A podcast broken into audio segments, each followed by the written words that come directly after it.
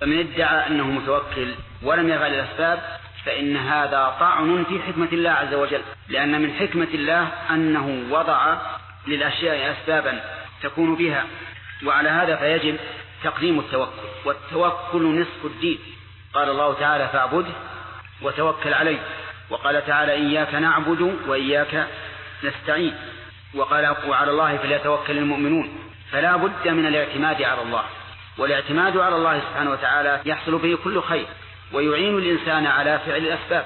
لكن بشرط أن تكون أسبابا مأذونا فيها شرعا إما قدرية وإما شرعية.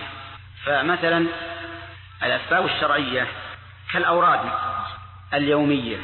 من قرأ آية الكرسي في ليلة لم يزل عليه من الله حافظ ولا يقربه شيطان حتى يصبح. في أسباب قدرية. يستعملها الإنسان تقيه من الأذية. كلبس الإنسان ثيابا كثيرة في أيام الشتاء لتقيه. هذا البرد. قال الله تعالى وجعل لكم سرابيل تقيكم الحر وسرابيل تقيكم بأس والأخذ بالأسباب الشرعية أو القدرية المأذون فيها من تمام التوكل